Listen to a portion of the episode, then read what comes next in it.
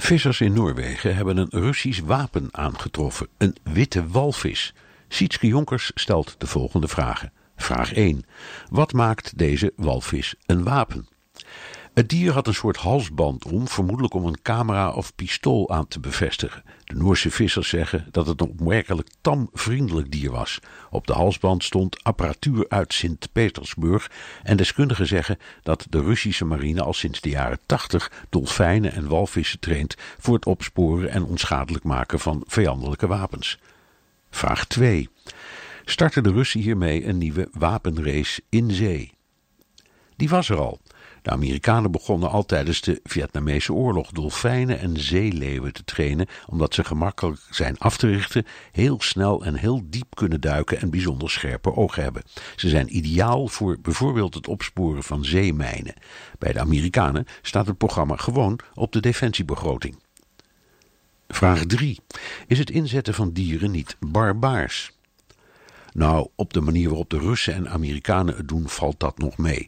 Maar door de geschiedenis heen zijn dieren gebruikt en vaak misbruikt. De Romeinen staken varkens in brand en joegen ze naar de vijand, waar de gillende dieren paniek zaaiden onder de vijandelijke olifanten. In de Eerste Wereldoorlog werden honden gebruikt als koeriers en daarbij sneuvelden ze vaak. De Russen gebruikten in de Eerste Wereldoorlog zelfmoordhonden als anti-tankwapen. Vraag 4. Is er op nationaal of internationaal niveau protest? Voor zover ik weet niet, terwijl dieren toch al duizenden jaren worden gebruikt tijdens oorlogen en als wapen. Het is natuurlijk ook iets anders dan dierproeven voor de cosmetische of farmaceutische industrie. Vraag 5. Wat is het populairste dier in oorlogstijd?